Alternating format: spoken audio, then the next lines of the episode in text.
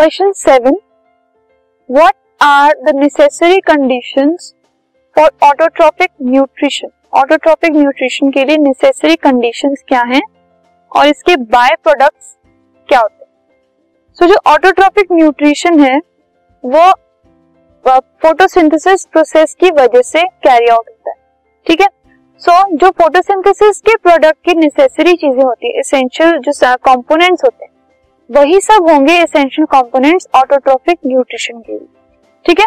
सो जो फोटोसिंथेसिस है, उसके जो नेसेसरी कंपोनेंट्स हैं, वो है carbon dioxide water chlorophyll pigment और सनलाइट ये चारों फोटोसिंथेसिस को कैरी आउट करवाते हैं और यही नेसेसरी है for autotrophic nutrition so they are the necessary conditions required for autotrophic nutrition और इसके बाद जो बाय प्रोडक्ट फॉर्म होते हैं दे आर कार्बोहाइड्रेट्स जो कि फ़ूड प्रोड्यूस हो रहा है and oxygen so these are the by product of photosynthesis और you can say by product of autotrophic nutrition